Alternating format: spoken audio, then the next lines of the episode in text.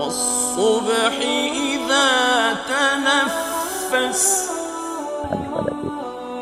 Mudah-mudahan Allah Subhanahu wa taala memberikan keberkahan untuk kita, anak, Amin. istri dan keluarga kita yang lainnya. Amin ya rabbal alamin.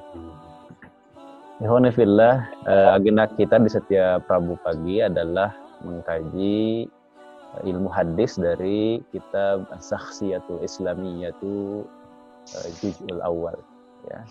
Ini eh, kitab yang ditulis oleh Al-Allamah Syekh Taqiyuddin An-Nabhani rahimahullahu taala. Dan pembahasan tentang ilmu hadis ada di juz yang pertama. Ya, oleh karena itu yang kita bahas adalah kitab Tahfiyatul Islamiyatu Eh, minggu lalu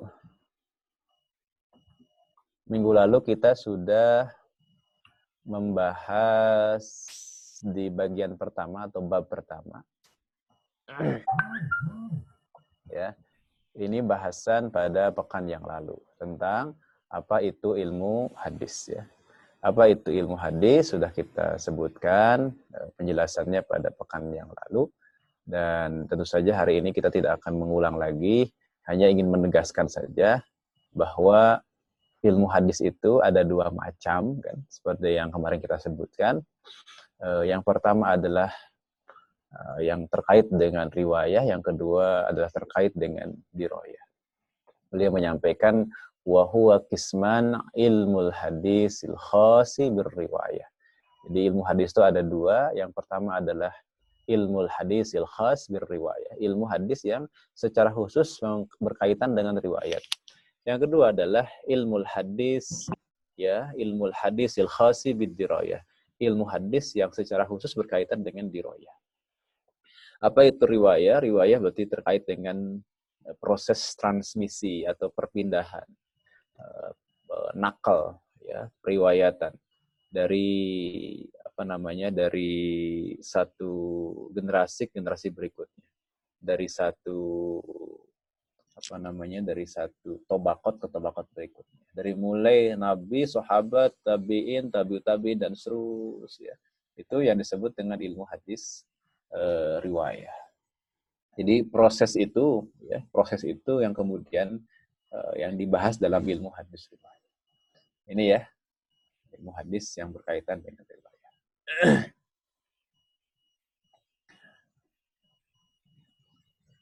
Nah kemudian selain ilmu hadis riwayah juga yang kedua ada ilmu hadis diroyah.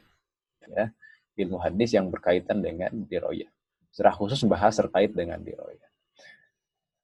Eh, tadi kalau ilmu hadis riwayah itu berkaitan dengan penyampaian eh, apa penyampaian qaul, afal, takrir dan sifatnya Nabi. Dan bagaimana proses penyampaiannya.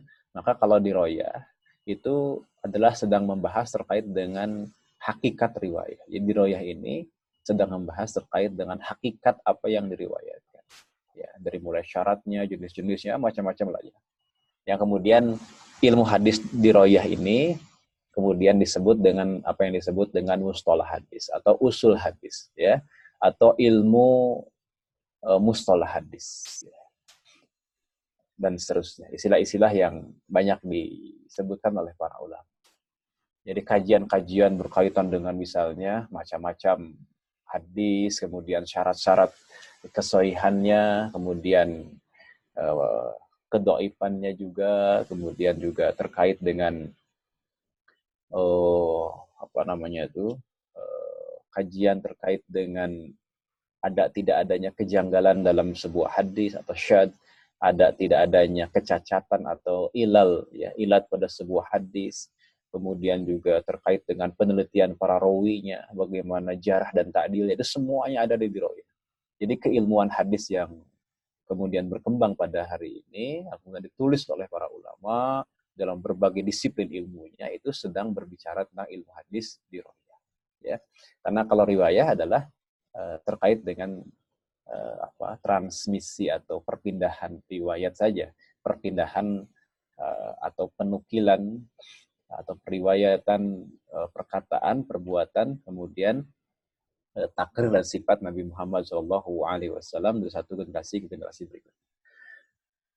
Baik, kita akan masuk sekarang di di bahasan yang berikutnya, yakni al-hadis. Ini adalah bahasan yang kita akan bahas insya Allah pada uh, pagi hari ini. Ini bab yang kedua ya, bab yang kedua. Kalau kita uh, lihat di dalam kitab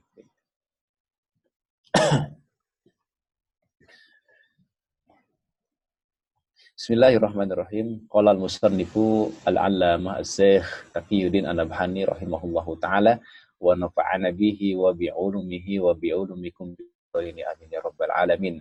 Ilmu hadis, ilmu hadis. Kita sekarang akan bahas ilmu hadis. Ilmu hadis berarti yang dibahas di sini apa? Tentang diroyah. Ya, jadi kalau kita bicara ilmu hadis, uh, mustalah hadis, usul hadis sebenarnya yang dominan dibicarakan tentang diroyah ya tentang diroya. Apa itu ilmu hadis? Beliau menyampaikan huwa ilmun biqawanin yu'rafu biha ahwalus sanadi wal matan. Yang disebut dengan ilmu hadis adalah ilmu tentang kawanin, tentang aturan, tentang uh, kaidah-kaidah. Ya, tentang kaidah-kaidah, tentang pokok-pokok. Yu'rafu diketahui biha dengannya ahwalus sanad wal matan kondisi sanad dan kondisi matan. Inilah definisi ilmu hadis di royah. Jadi ilmu tentang apa? Tentang kawanin, tentang aturan, tentang kaidah. Oh enggak, ini kita bukan saya baca lari bukunya salah. Ini di, sekarang kita masuk ke hadis ya. ya itu kemas yang kemarin yang kemarin saya sebutkan jadi itulah ilmu hadis ya jadi terkait dengan eh, apa namanya terkait dengan ilmu yang kemudian diketahui dengannya ahwalusana dan mata ya di bagian yang ini nah ini jadi di awal tadi saya sebutkan dulu terkait dengan definisi ilmu hadis nah yang kemudian sedang dibicarakan ke depannya adalah terkait dengan ini ya kita akan bicara tentang diroyah ini huwa ilmun biqawanin yu'rafu biha ahwalu sanadi wal matan. Ini tuh sebenarnya adalah definisi ilmu hadis di royah. Kita lanjutkan sekarang pada bahasan yang hari ini ya. Al hadisu yakni hadis. Taduru alfaz bainal muhaddisina yan bagi al-wukufu ala ma'aniha wahiyal hadisu wal khobar wal athar wa sunnatu Dikatakan di sini tazuru alfazu bainal muhaddisina yang bagi lukufu ala ma'aniha wahiyal hadis wal khobar wal athar wa sunnah wa hadha min haisul itlaqul am disebutkan oleh beliau oleh Syekh bahwa lafaz-lafaz yang beredar di antara di kalangan muhaddisin yakni para ahli hadis yang perlu ya yang perlu untuk dimaknai atau disikapi atau didudukan makna-maknanya yaitu adalah hadis, kemudian khobar, kemudian asar dan juga sunnah. Ya. Wahada dan ini, hada dan ini, dan ini min haisul itlaqul amu. Ya, dari sisi penyebutan umum. Jadi dari sisi penyebutan umum ya eh, makna-makna yang harus kita ketahui berarti yang pertama hadis, yang kedua khobar, yang kedua asar, yang ketiga sunnah. Ini ya, sekali lagi, lafaz-lafaz yang taduru, yang beredar di antara para muhaddisin yang harus kita posisikan, yang harus kita dudukkan ala ma'aniha makna-maknanya ya atas makna-maknanya adalah uh, berapa? Empat. Al hadis wal khobar wal athar was sunnah. Ini apa dari sisi penyebutan yang sifatnya umum. Hada min haisu itlaqul am. Ya, min haisul itlaqul am. Kemudian selain istilah-istilah yang tadi, yakni hadis, khobar, athar, dan sunnah, kita harus definisikan. Juga ada istilah lain.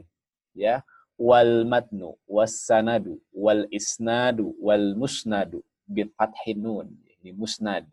Wal musnidu, bikasrinun, bikasrah nunnya min nahiyati alfazil hadis wa riwayatihi uh, wal muhaddisu wal hafizu wal hujjatu wal hakimu min nahiyati ruwah. Kemudian istilah yang berikutnya, ya berikutnya. Istilah yang berikutnya adalah uh, matan, terus sanad, kemudian isnad, kemudian musnad, kemudian musnid, ya.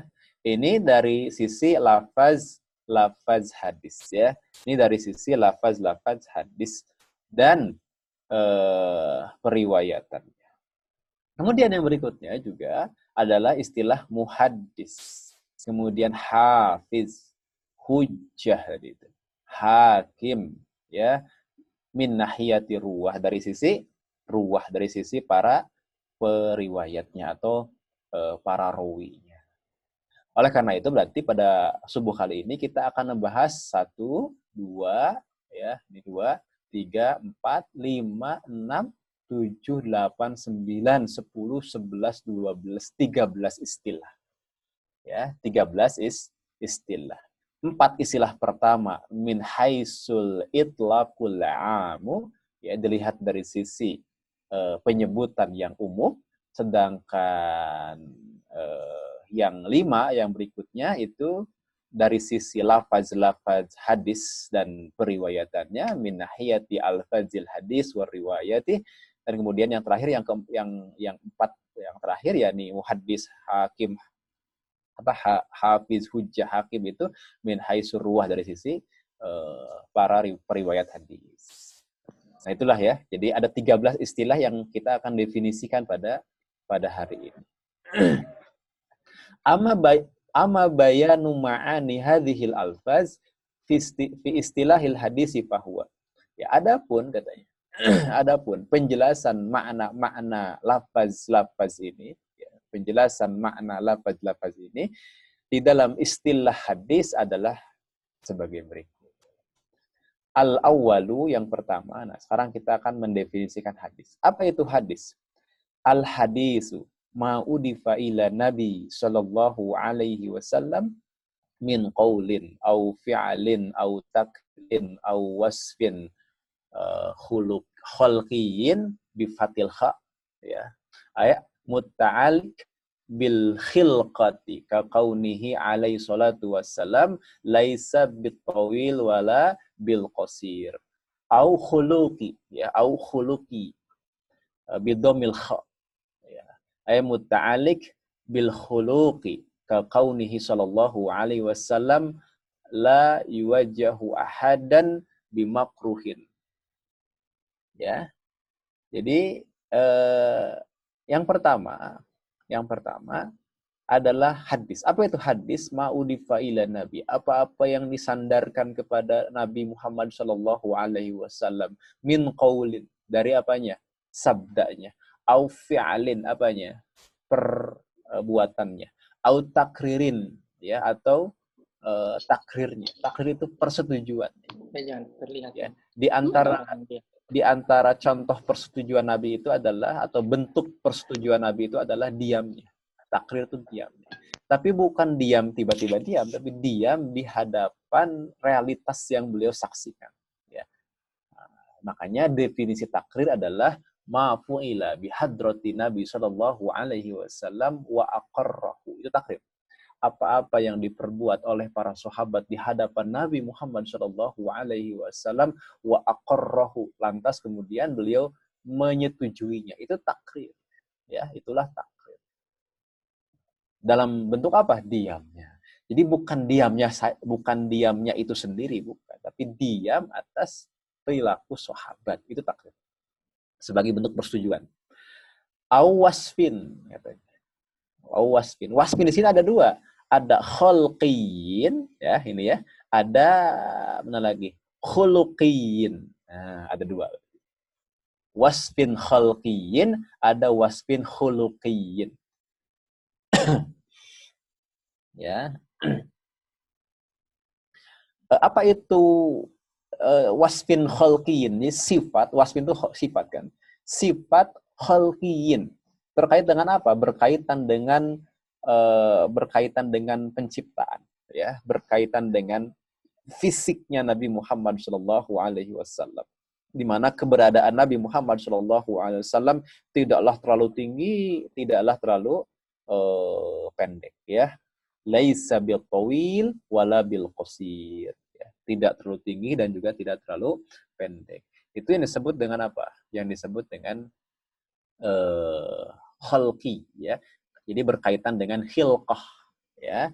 Jadi berkaitan dengan khilqah.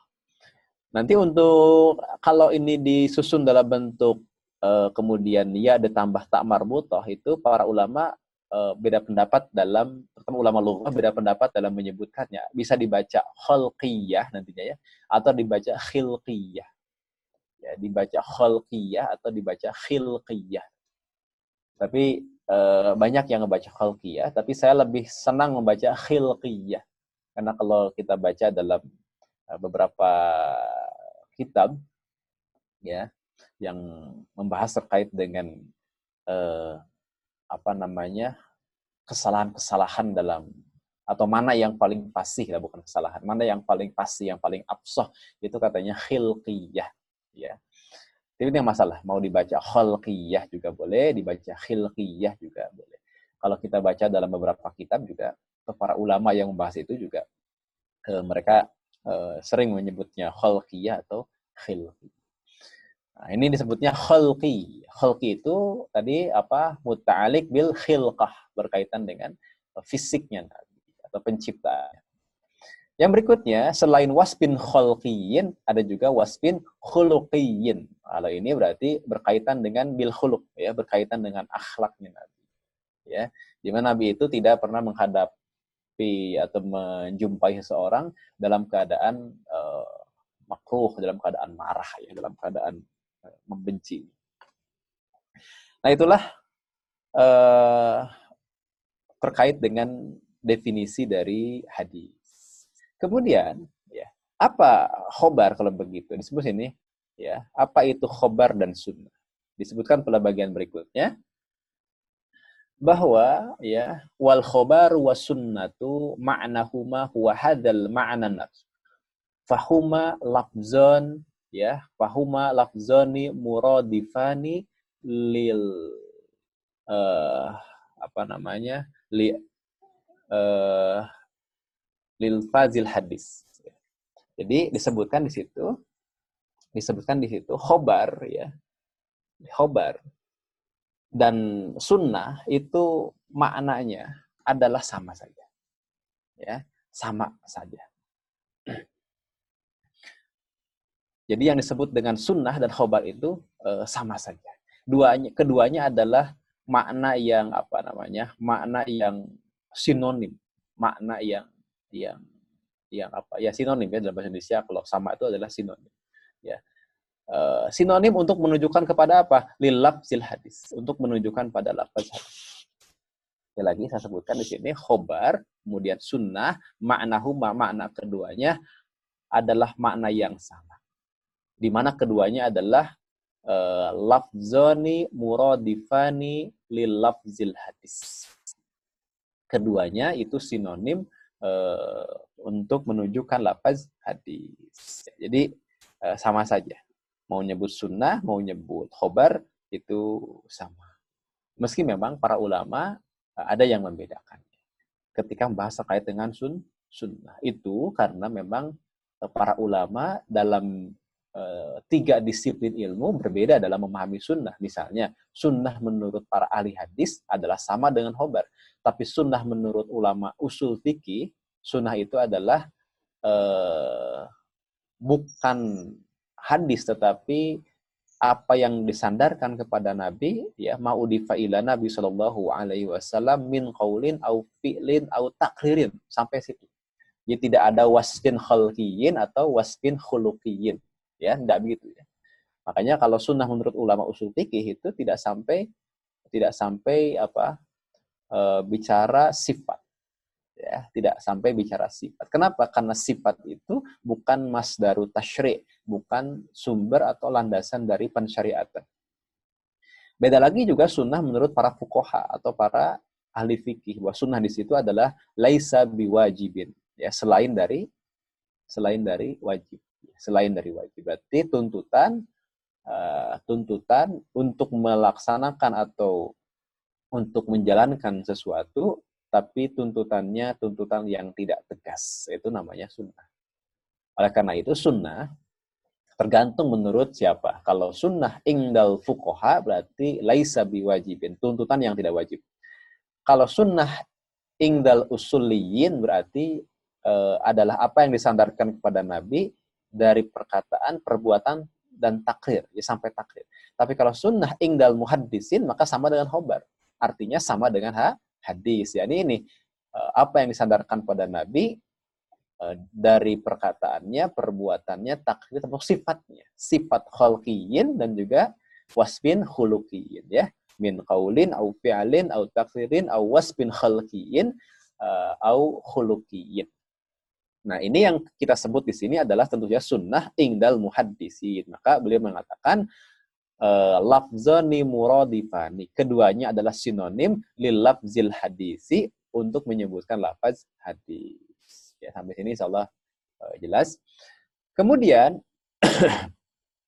kulluha, semuanya, ay al hadis wal khobar was sunnatu, yakni hadis, khobar, sunnah, bima'na wahid. Ya Maknanya sama. Jadi baik itu hadis, khobar, kemudian sunnah, itu maknanya adalah sama saja. Nah, lantas apa kalau begitu dengan asar? Ini asar belum dibahas. Kalau asar, ya, lain lagi.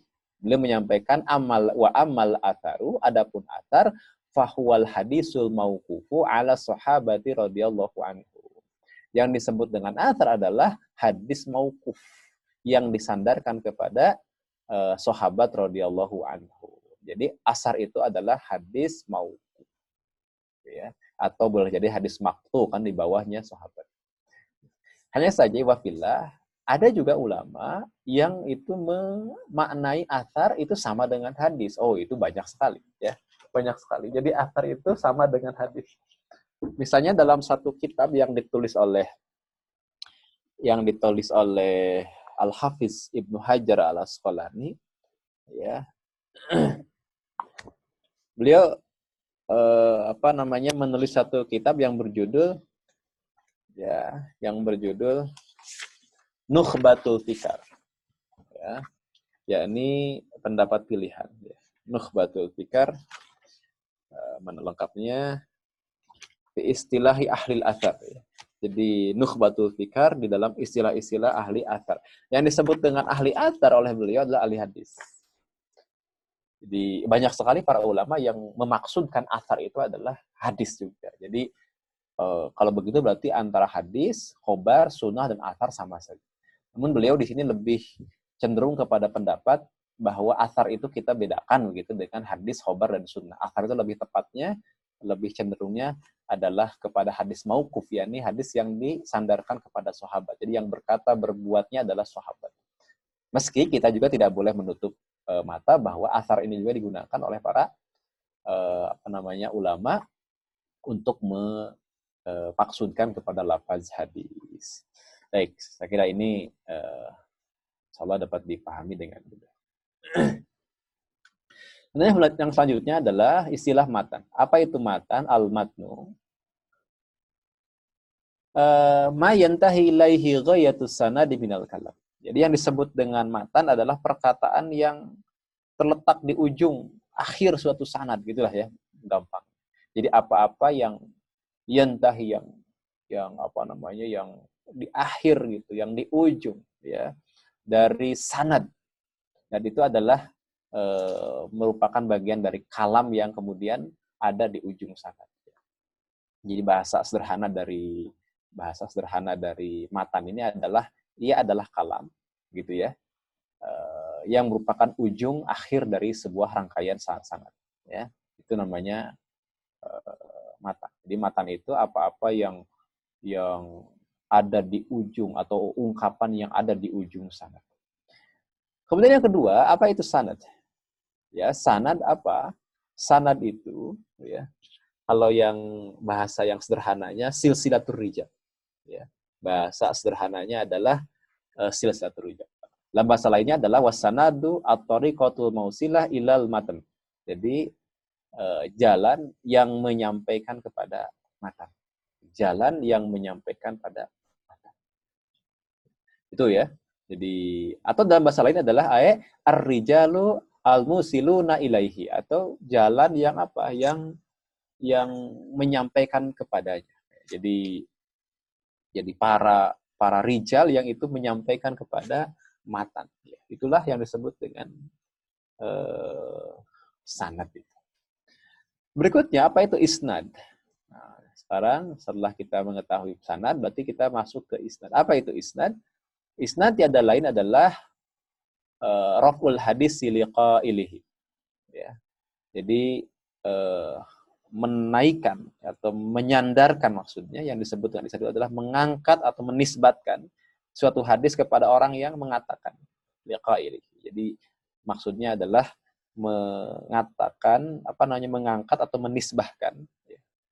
rofu di sini adalah menyandarkan uh, hadis kepada orang yang mengatakan. Itu isnad. Jadi misalnya uh, seseorang mengatakan atau meriwayatkan suatu hadis kepada si fulan katakanlah fulan A meriwayatkan hadis kepada fulan B. Maka ketika dikatakan isnad fulan B itu siapa? Ya fulan A itu.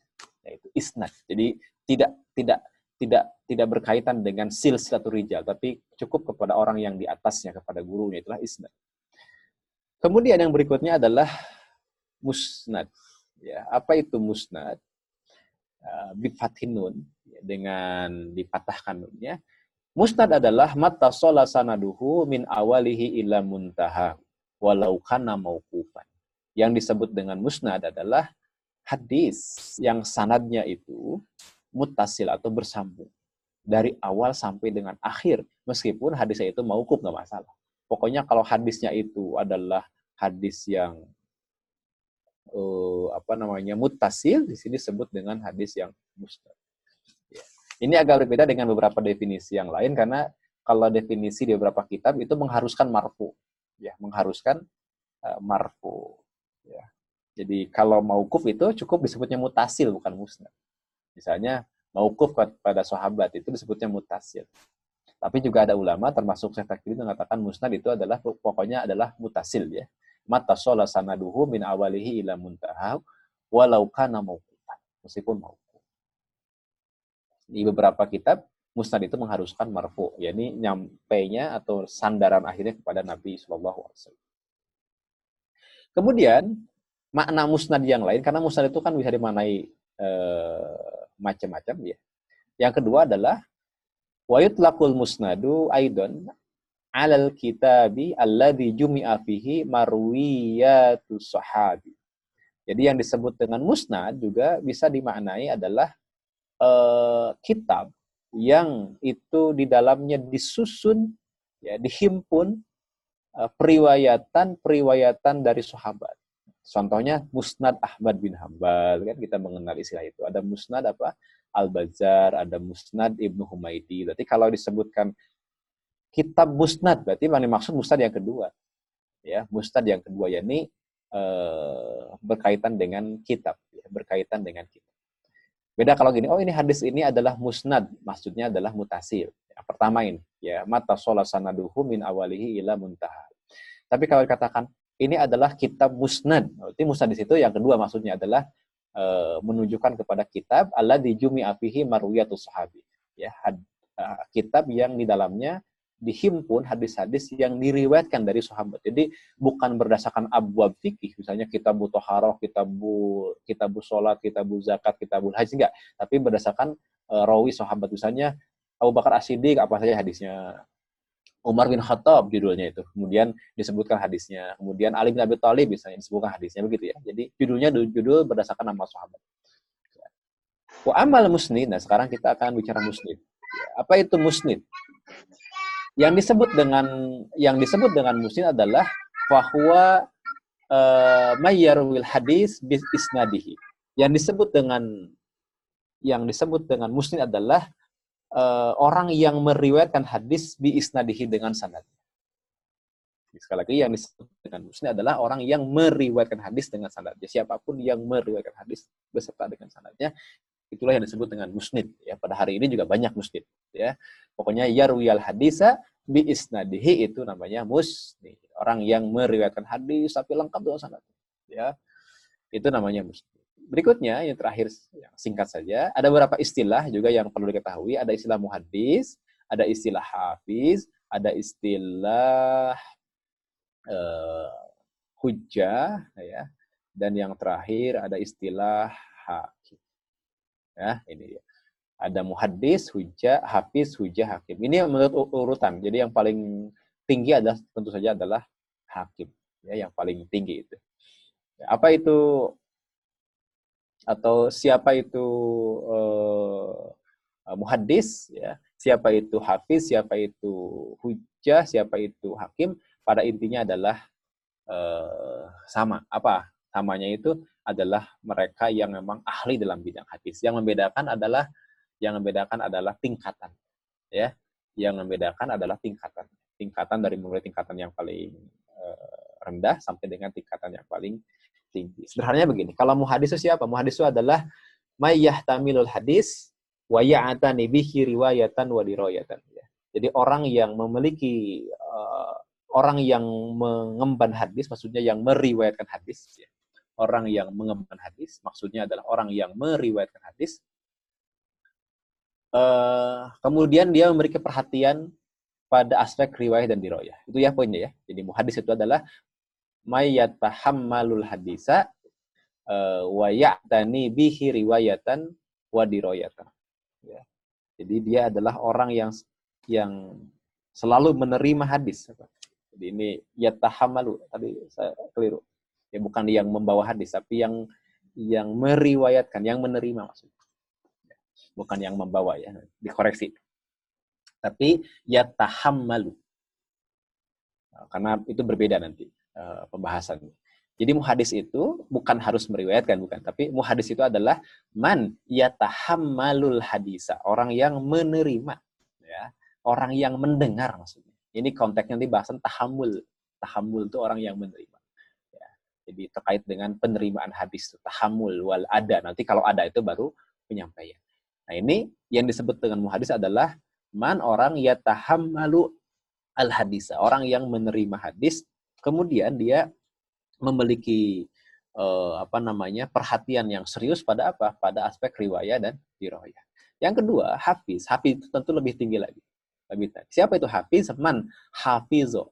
Nah, ini orang yang hafal mi'ata alfi hadisin menghafal 100 ribu hadis matnan wasanadan baik matan maupun sanad ya.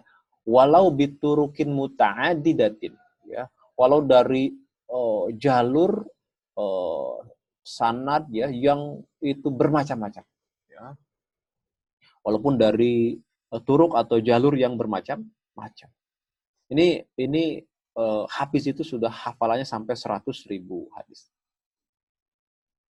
Kemudian eh, berikutnya adalah seorang hafiz juga ada seorang yang apa di sini yahtaju ilaihi dan dia juga menyadari apa yang dibutuhkan kepadanya. Itu hafiz. Berikutnya hujah. Siapa itu hujah?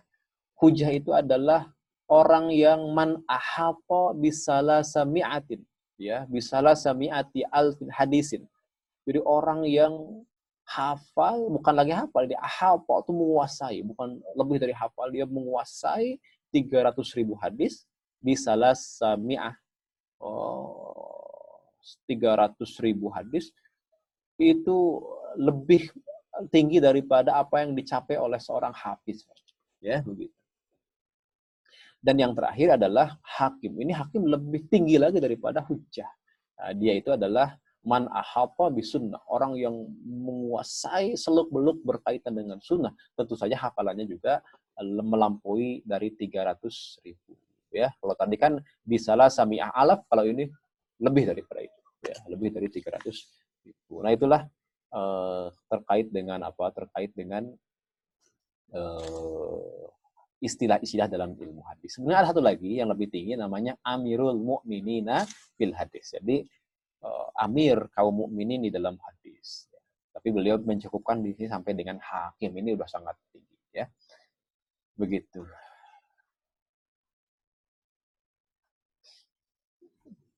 Silakan, ada yang mau sampaikan dulu.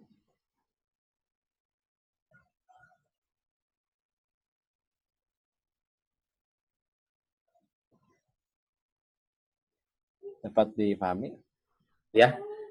Ya. Alhamdulillah eh, sahabat-sahabat eh, tadi sudah dipaparkan oleh Ustadz Yuwana terkait istilah, istilah hadis ya sampai eh, istilah hafiz hujah hakim itu luar biasa ya eh, ini ya eh, saya sendiri baru tahu sebetulnya uh, terkait hafiz sampai uh, uh, gelar hafiz mungkin yang dimaksud di sini adalah gelar hafiz ya Ustaz. Gimana? Yang dimaksud di sini adalah uh, hafiz di sini orang yang diberi gelar hafiz ini atau al hafiz ini seratus uh, ribu hadis menurut para ulama seperti itu. Iya, iya. iya. Jadi sejak zaman dulu yang disebut dengan al-hafiz itu adalah orang yang hafal hadis. Misalnya ada al-hafiz as-suyuti, al-hafiz Ibnu Hajar al-Asqalani, al-hafiz al-Iraqi, ya dan al-hafiz an-Nawawi dan siapa pun yang digelari al-hafiz itu adalah orang yang uh, hafalannya minimal 100 ribu hadis matnan wasanadan.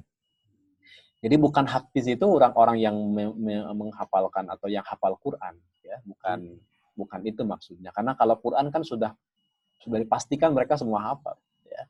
Kalau Quran itu sudah dipastikan mereka semuanya uh, hafal. Ini maksudnya adalah pada hadis. Jadi sanad maupun matanya. Tadi kan tapi ada kata-kata di sini tadi tadi kitabnya uh, mana barusan kita tampilkan lagi. Kita tampilkan lagi. Nah, nah ini kan hafiz itu adalah orang yang menerima hadis kemudian punya perhatian pada diroyah dan riwayah. Jadi bukan hanya hafal saja ya, tetapi uh, dia harus harus harus juga menguasai diroyah dan riwayah. Karena hafiz itu kan di atas muhadis. Jadi kalau gini, kalau saya katakan hafiz, berarti dia sudah melampaui muhadis gitu. Ya. Jadi setiap hafiz itu pasti muhadis. Berarti siapa itu muhadis ini? Ya. Yang disebut dengan muhadis siapa? Yang disebut dengan muhadis adalah man orang yatahammalul hadisa.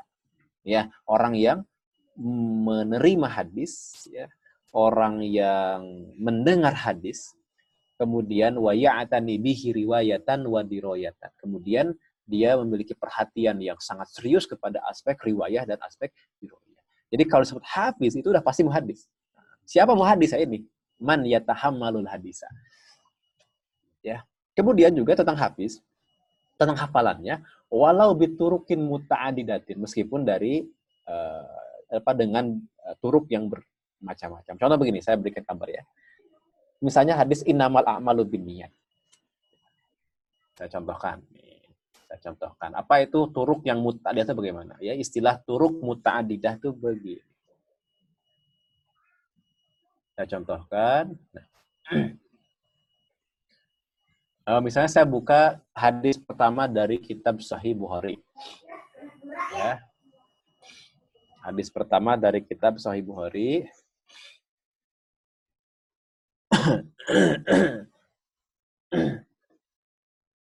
Ini terakhir ya, kita contohkan. Ini hadis pertama dari Sahih Bukhari. Ya yakni hadis innamal a'malu binniyati wa innamal likulli imri'in nawa faman kanat hijratuhu ila dunya yusibuha au ila imra'atin yankihuha fa hijratuhu ila ma hajara ilaihi. Hadis ini, hadis ini pertanyaannya adalah dihitung berapa hadis ini? Jadi kalau dikatakan ada berapa hadis? Itu kalau ditanya berapa eh, apa namanya matan dan sanad pada hadis ini tentu saja ada satu sanad, ada satu matan. Mana sanadnya nih? Ada sana al-Humaidi, ya. Kemudian hadasana Sufyan, kemudian hadasana Yahya bin Sa'id, kemudian akhbaroni Muhammad bin Ibrahim, kemudian Sami'a al-Qomah, kemudian Sami itu Umar bin Khattab. Nah, ini adalah sanad. Jadi kalau iwafilah sekalian belum ngeh tentang sanad, ya inilah sanad silsilatur rijal tadi kan disebutkan. Silsilatur rijal. Jadi jalur uh, yang nantinya akan menyampaikan pada mata. Jadi silsilah orang-orang ya, silsilah orang yang nanti akan menyampaikan kepada mata ya. Yang ujungnya adalah mata nanti. Nah, inilah yang disebut dengan sanad. dari mulai Humaidi. Nah, orang-orangnya kan ini. Ya, orang-orangnya itu adalah ada berapa orang? Ada Humaidi, ada Sufyan, ada Yahya, ada Muhammad, ada Alqomah, ada Umar bin Khattab. Itu namanya rawi. Satu, dua, tiga, empat, lima, enam, tujuh sebenarnya dengan Imam Bukhari-nya. Karena Imam Bukhari harus dihitung. Beliau juga rawi dari uh, yang menyusun kitab hadisnya Mudawin. Berarti di sini enam ditambah Imam Bukhari tujuh. Ini tujuh rawi. Rangkaian ini semuanya adalah sanad. Tadi kalau isnad itu nggak harus merangkai begini. Misalnya gini, isnadnya Humaydi siapa? Sufyan bin Uyainah. Isnadnya Sufyan siapa? Yahya gitu. Yes. Uh, Raful hadis apa li apa ila li apa li ya. Jadi menyandarkan hadis li qailihi kepada orang yang menyampaikannya. Tapi kalau dikatakan sanad itu adalah silsilatur rijal di rangkaiannya. Kemudian ini berarti satu satu jalur nih. Kemudian matan juga satu innamal a'malu binniyat. Ini matan. Nah, ini matan. Yang saya blok ini adalah matan ya. Jadi ini matan. Nah, kalau kita lihat hadis ini tidak bisa tidak hanya bisa tidak hanya kita hitung satu hadis. Kita lihat tahrijnya, ternyata hadis ini ada juga dalam selain dalam Sahih Bukhari ya, juga ada di dalam misalnya dalam Sahih Bukhari saja ada berapa ini tuh, ada berapa di beberapa tempat, beberapa nomor ya. Berarti banyak sanad. Kemudian juga ada di Sahih Muslim ya, ada juga di kitab yang lain ya, termasuk misalnya di kitab An-Nasai ya, ada di kitab uh, misalnya At-Tirmizi hadis ini. Jadi kalau begitu hadis kalau begitu matan hadis ini bisa dihitung berapa hadis? Istilah turuk yang muta'anidah itu bagaimana? Nah, saya gambarkan begini sanadnya. Contoh nih contoh. Sederhana saja. Ya, contoh. Kalau hanya berpatokan pada hadis nomor satu dari Sahih Bukhari, maka ini hanya ada satu satu matan, satu sanad. Begini ya. Satu sanad, satu matan. Ya. Tapi kalau kita lihat misalnya ya, kita melihat misalnya eh, jalur dari Bukhari, dari Muslim, Abu Daud, At-Tirmizi, An-Nasai, Ibnu Majah saja dari enam kitab hadis, ya. Maka kita perhatikan. Nah, ini jalurnya, ya. Terlihat tidak kira-kira, ya? Ini jalurnya. Ya, kalau diperbesar bisa, tapi jadi nggak kelihatan ya. Kita, nah ini jalurnya. Berarti hadis inamal a'malu biniat itu bisa dihitung sekian puluh hadis. Misalnya dengan hafalnya kita satu matan, tapi matan ini sebut saya di sini ada 10 jalur misalnya, maka seseorang bisa dikatakan dia sudah habis, sudah hafal 10 eh, apa namanya hadis matnan wasanadan ya. Jadi yang disebut dengan satu hadis itu adalah satu matan, satu sanad. Jadi kalau ada satu matan tapi sepuluh sanad itu dihitung sepuluh hadis. Nah, itu ya. Memang di sini kalau kita perhatikan ujungnya eh, hadis ini kan gharib ya. Hadis ini gharib. Memang ujungnya ini e, menyendiri, yakni Yahya bin Said, kemudian Muhammad bin Ibrahim, kemudian Al-Qamah, kemudian Umar. Jadi yang mendengar hadis ini dari Rasulullah hanyalah Umar bin Khattab, yang mendengar hadis dari Umar hanyalah Al-Qamah, yang mendengar hadis dari Al-Qamah hanyalah Muhammad bin Ibrahim, yang mendengar hadis dari Muhammad bin Ibrahim hanyalah Yahya bin Sa'id. Yang mendengar hadis dari Yahya bin ya, Sa'id itu ada satu, dua, tiga, empat, lima, enam, tujuh, delapan, sembilan, sepuluh. Ah, gitu ya, sepuluh. Makanya kalau kita tahu sepuluh jalurnya, berarti di sini kita sudah hafal sepuluh hadis nyebutnya. Padahal hanya satu mata. Ya itu ya maksudnya itu. Jadi maksud kata-kata beliau yang mengatakan di sini walau bituruk apa walau biturukin muta'addidatin ya di dalam di dalam apa di dalam kitab tadi itu meskipun dari jalur yang bermacam-macam. Mungkin saja apanya satu matan tetapi e, lengkap dengan semua sanadnya yang sepuluh ini berarti dia dianggap sudah hafal sepuluh hadis. Begitu ya. Jalurnya sampai ke bawah gitu paling justru yang susah kan menghafalkan apa namanya menghafalkan ini ya menghafalkan uh, sanad gambar sampai sini mudah-mudahan ya baik Ustadz ini ada pertanyaan ya uh, pertama dari Akhi Septian Awe ya. Uh, Ustadz mau tanya, izin tanya nih. Contoh nama ulama yang hafiz, hakim, amirul mukminin siapa saja? Syukran ya. Oh ya, setiap setiap generasi berbeda-beda. Ya, setiap generasi berbeda-beda. Jadi misalnya eh, di generasi contoh gini, yang paling tinggi saja yang paling ekstrim adalah Amirul Mukminin fil hadis ya. Setiap masa ada. Misalnya di eranya tabi'in ada, di era tabi tabi'in ada. Misalnya di era tabi'in kita mengenal Sa'id bin Al-Musayyib, di era tabi tabi'in kita mengenal uh, Syu'bah ya. Kemudian terus di eranya Imam Bukhari ya Imam Bukhari, ada Abu Daud begitu di abad ketiga itu banyak ya. Kemudian di eranya makin ke bawah gitu misalnya di di apa namanya di eranya Imam Hakim di abad ke berapa itu kelima ya itu ada Imam Hakim gitu. Eh, bisa jadi di abad ke-6 juga ditemukan lagi Imam Baihaqi begitu ya. Kemudian. Tapi memang tidak semua orang itu digelari Amirul Mukminin hadis. Hanya saja bahwa setiap zaman, setiap masa ada saja. Yang paling banyak digelari adalah biasanya Hafiz. Ya. Hafiz itu banyak. Ya. Hmm. Kita mengenal Al-Hafiz Ibnu Hajar, Al-Hafiz uh, Al-Iraqi, Al-Hafiz As-Sakhawi. Gitu.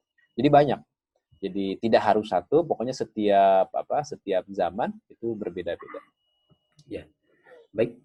Ini ada yang ingin ditanyakan secara langsung oleh Abu Fatimah. Silakan Abu Fatimah. Nanti uh, setelahnya uh, dari Markas An-Nahdo mungkin uh, silakan. Sekarang dari Abu Fatimah dulu silakan. Assalamualaikum warahmatullahi wabarakatuh. Assalamualaikum warahmatullahi wabarakatuh. Abu Fatimah dari mana? Dari Cilegon, Banten, Ustaz. Ya. ya. Ya, terima kasih. Silakan ya, apa yang ditanyakan Pak? Pak Kiai, Masya Allah baru bisa langsung uh, bertatap muka walaupun via Zoom. Iya, iya. Barakallahu Allah memberkahi. Barakallahu fiik. Ada Amin. beberapa yang ingin saya tanyakan, uh, Pak Kiai. Uh, pertama, bisa jadi ta tadi sempat juga bahas tentang uh, apa namanya orang-orang uh, yang uh, hafal tentang hadis ya. Uh, kalau terkait dengan Khatib Al-Baghdadi itu khatibnya itu gelarkah atau uh, tidak? Ya itu yeah. yang pertama terkait dengan uh, saya karena saya juga uh, ikut ikut mengikuti uh, biografi beliau yang masya Allah sangat uh, luar biasa termasuk dalam perkara hadis uh, ulama besar uh, Khatib Al-Baghdadi. Kedua, ini agak menyimpang dari bahasan uh, yang sekarang uh, Pak Kiai. Hanya kemudian ini berkaitan dengan hadis juga. Uh, sebentar lagi Nifsu Sa'ban. Uh, mohon kiranya penjelasan kira-kira hadis-hadis yang berkaitan dengan uh, Nisfu Sya'ban itu derajatnya seperti apakah?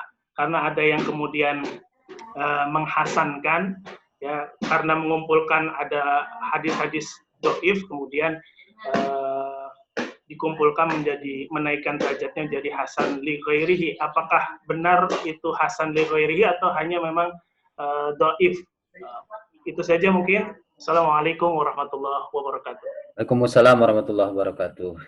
Ya demikian eh, yang ditanyakan dari Abu Fatimah dari Cilegon ya tadi dari Cilegon. Silakan Ustaz hmm. Yohana untuk di, uh, dijawab. Dengan Saya ambil dulu kitab bentar ya.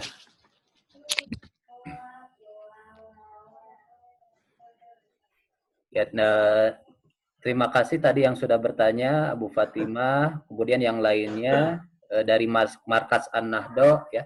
Eh, pertanyaan kemungkinan di dibatasi ya karena ini sudah melewati jam 6. Kita eh, berusaha sampai jam 6 sebetulnya. Ini udah jam 6 lebih 5 menit nanti uh, jawaban ya. bisa disampaikan secara singkat. Silakan. Ya, uh, Al-Khatib Al-Baghdadi memang beliau adalah ulama yang luar biasa, ya ulama yang luar biasa. Uh, beliau hidup pada abad ke-5 Hijriyah, ya.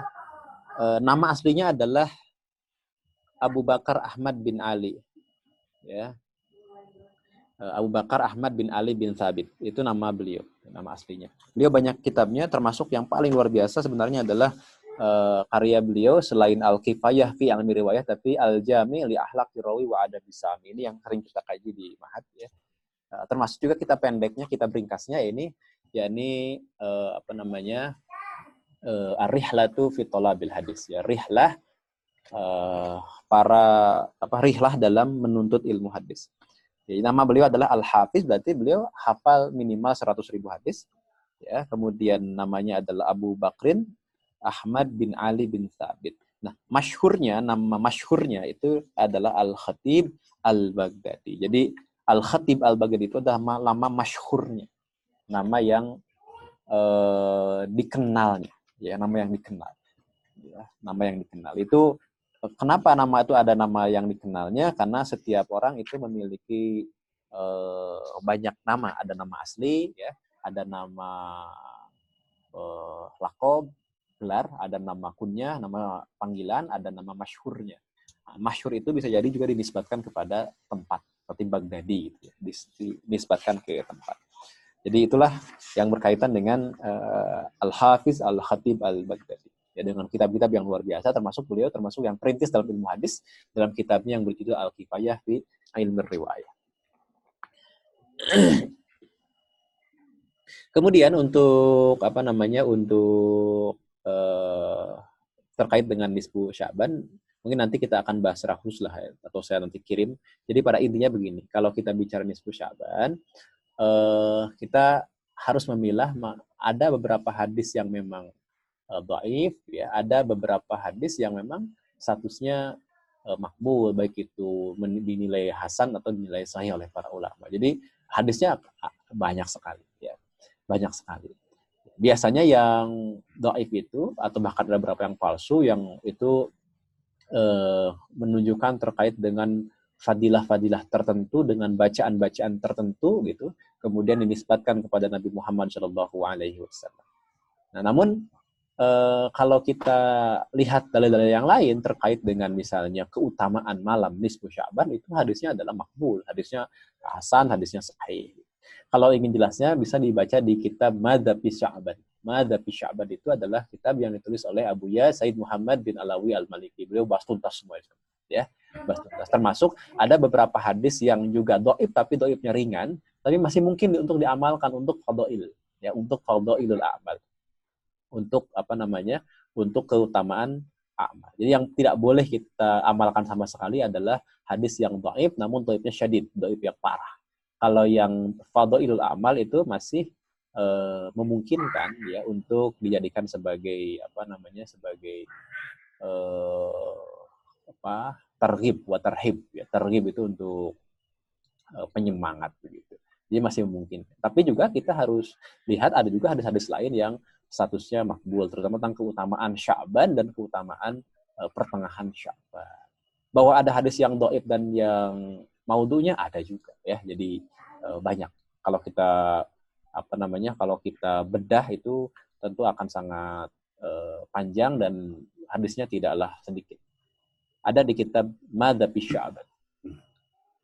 Baik untuk nanti mungkin nanti untuk lengkapnya uh, bisa disampaikan uh, di lain waktu mungkin ya. ya uh, pertanyaan ada dua pertanyaan terakhir nih. Uh, mungkin uh, saya, uh, kami minta izin sampai jam 6.15 gitu ya.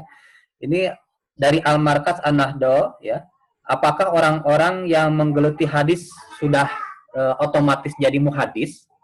Itu pertanyaannya. Kemudian uh, ini masih nyambung uh, terkait Syekh Al-Bani sendiri apakah uh, beliau sebagai muhadis ya kata beliau ini kata dari Al-Markas An-Nahdo ini bahwa uh, pasalnya kan beliau suka men, uh, mensohikan atau mendaifkan uh, sebuah hadis apakah uh, termasuk hadis gitu kemudian tadi pertanyaan pertamanya uh, orang yang menggeluti hadis sekarang apakah langsung otomatis terkategori muhadis atau enggak? Oh, iya. Taib. Orang yang belajar hadis tentu saja belum tentu disebut muhadis. Orang yang belajar hadis itu adalah pelajar hadis. Dia adalah uh, hadis ya. Dia adalah penuntut hadis, pencari hadis atau penuntut ilmu hadis. Kemudian pengajar hadis juga belum tentu ahli hadis. Ya, misalnya uh, dosen hadis, kemudian pengajar pesantren hadis ya uh, itu tidak otomatis disebut dengan uh, muhadis atau ahli hadis. Ya, dia hanyalah orang yang uh, alim, orang yang tahu, ya, orang yang kemudian bisa mengajar ilmu hadis. Karena kalau muhadis itu memiliki paling tidak memiliki persyaratan yang uh, harus dipenuhi oleh seorang yang disebut dengan muhaddis, yakni selain dia punya hafalan yang cukup banyak, ya, kemudian punya pengetahuan dan kepahaman yang uh, mendalam terkait dengan riwayah dan diroyah, dua yang paling penting adalah dia itu, ya dia itu ketika menerima hadis itu dengan metode, dengan model, dengan manhaj yang benar. Kan kita kembali ke tadi. Kalau kita bicara siapa itu muhadis? Muhadis itu adalah man, orang, ya tahammalu, yang menerima hadis. Penting ini. Yang menerima hadis. Ya, ya. Bagaimana cara dia menerima hadis? Itu dengan talaki. ya Dengan talaki wal mulazamah. Jadi orang yang tidak pernah talaki dan tidak pernah mulazamah justru diragukan ke keahliannya dalam bidang hadis. Kemudian setelah dia talaki, dalam proses tahamulnya ini, tahamul hadisnya itu dengan talaki, kemudian dia punya eh, apa perhatian yang mendalam terkait dengan aspek riwayah dan juga terkait dengan aspek diroyah. Ya. Jadi ini kata kuncinya, ya tahammalul hadis. Ya, dia dia melakukannya atau menerimanya dengan proses talaki dan mulazamah, kemudian uh, punya uh, kemampuan yang yang yang menonjol dalam penguasaan ilmu riwayat dan ilmu diroyah. Itu satu. Yang kedua, ya. Jadi yang kedua ya, yang pertama tadi kan hafalan yang cukup, yang kedua adalah ada talaki mulazamah, manhajnya benar. Yang ketiga, yang terakhir adalah kata. Uh, eh, Said Mamdu, uh, termasuk juga kalau kita baca di dalam kitab yang lain, sebut saja adalah kitab karya dari Waliullah Ad-Dahlawi dalam kitabnya uh, Ithaqun Nabih, beliau menyebutkan bahwa seorang dikatakan muhadis itu ada syarat yang ketiga. Kenapa? Apa? Yakni punya karya dalam bidang takhrij. Ya, punya amaliyat takhrij, kata Syekh Mamdud. Jadi kalau begitu ada tiga syarat muhadis itu. Yang pertama adalah punya hafalan yang banyak. Yang kedua, ketika proses tahamul hadisnya, dia mendapatkan hadis, meriwayatkan hadis dengan talaki dan mulazamah dari guru, ya mengkajinya, uh, labzon labzon gitu ya kemudian uh, apa namanya kalimatan wa kalimatan secara detil sehingga dia punya pengetahuan yang cukup pada aspek riwayat dan diroyah. Kemudian yang ketiga adalah punya amaliyah takhrij. Contoh misalnya Syekh Yasin Al-Fadani. Kata Syekh Mamduh, beliau adalah musnid, bukan muhaddis. Kenapa? Karena beliau punya syarat yang pertama, punya syarat yang kedua, tetapi tidak punya syarat yang ketiga, yakni punya amaliyah takhrij. Begitu. Ya uh, muhadis pada zaman sekarang atau pada abad-abad sekarang seperti Syekh Al-Arnaud misalnya kan itu atau Syekh Ahmad Syakir itu dianggap sebagai muhadis. Kemudian apakah uh, langsung ke ke pertanyaan ketiga eh kedua tadi apakah Syekh Albani adalah uh, ahli hadis atau bukan? Mungkin setiap orang bisa berbeda. Tapi kalau kita merujuk kepada pendapatnya Syekh Mamdu, beliau adalah bisa dikategorikan ahli hadis karena apa? Karena punya amaliyah tahrij. Ya, punya amaliyah tahrij. Tetapi apakah beliau ahli hadis yang mu'tamad, yang dapat dijadikan rujukan atau tidak, itu persoalan yang lain. Beliau termasuk yang menolak. Ya, jadi Syekh Mamdu dalam kitabnya meskipun beliau mengakui Syekh Albani termasuk muhaddis, ya, karena kenapa? Karena punya amaliyah tahrij, punya kitab-kitab yang mentakhrij hadis-hadis, tetapi eh, apa namanya proses tahamulnya proses tahamul hadisnya itu itu tidak dengan talaki dan mulazamah dengan para guru. Oleh karena itu boleh disebut muhaddis tapi kalau kata beliau adalah uh, yang tidak mu'tamad, yang tidak uh, apa namanya yang tidak bisa dijadikan sebagai rujukan. Ya, ada lagi di dalamnya banyak sekali tanakud ya, tanakud atau kontradiksi uh, di dalam tahridnya beliau sendiri. Allah alam ini mungkin bisa berbeda ya menurut pengikut atau murid-muridnya Syekh Albani, beliau adalah ahli hadis, menurut yang lain mungkin tidak. Ya, masing-masing punya pandangan masing-masing ya, punya pandangan yang berbeda. Tapi saya termasuk yang uh, mengambil pendapat jumhur, pendapat mu'tabar dari kalangan para ulama bahwa seharusnya ahli hadis itu harus memiliki amaliyah tahrijiyah, tetapi juga yang tak kalah penting adalah dia harus talaki dan mulazamah ketika tahamul hadis ketika penguasaan diroyah, ketika penguasaan riwayah harus belajar langsung kepada para guru bukan dengan otodidak membaca dari uh, buku di perpustakaan. Ya. Yang berikutnya juga hafalannya harus banyak hafalan. Ya, masya Allah ya. Uh, baik, mungkin itu karena waktunya terbatas sampai jam 6.15. Nanti pertanyaan dari Pak Edi Wanto dari Bogor, uh, kemudian dari Akhi Fatul Qadar, mungkin di pekan depan saja ya, uh, uh, supaya ini supaya. Apa nanti. pertanyaannya apa? apa? Ini belum uh, mau oh, lisan, secara lisan. Hmm. Oh iya. Nanti kalaupun misalkan ada yang ditanyakan bisa uh, via WA uh, ke nomor yang ada di grup, silahkan kalau mau bisa disampaikan uh, kalau mau disampaikan dari sekarang hmm. nanti insya Allah di uh, apa mungkin dikaji sama yeah. Ustadz uh, Yuwana.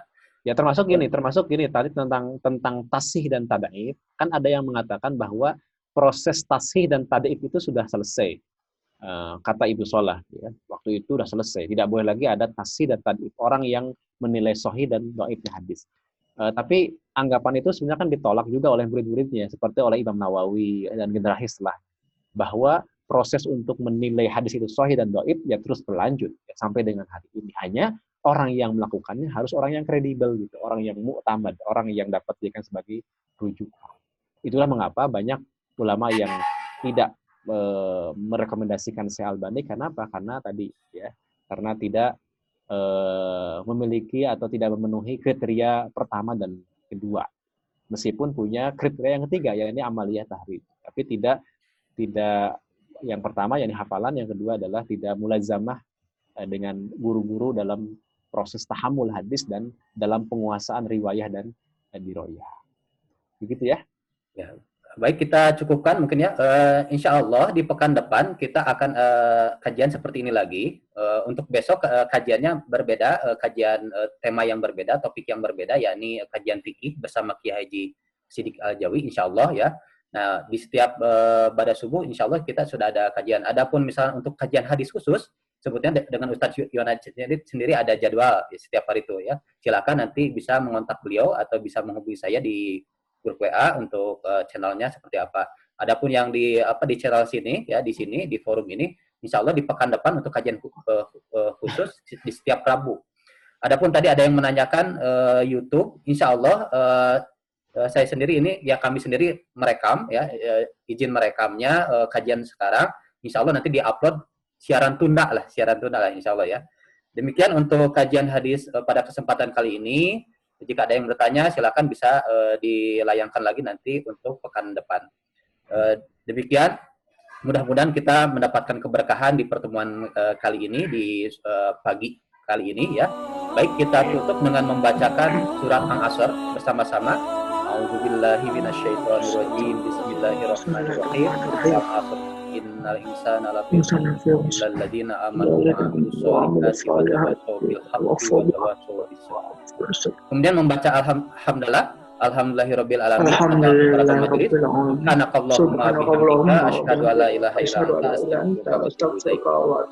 Terima kasih kepada Ustaz Yuana.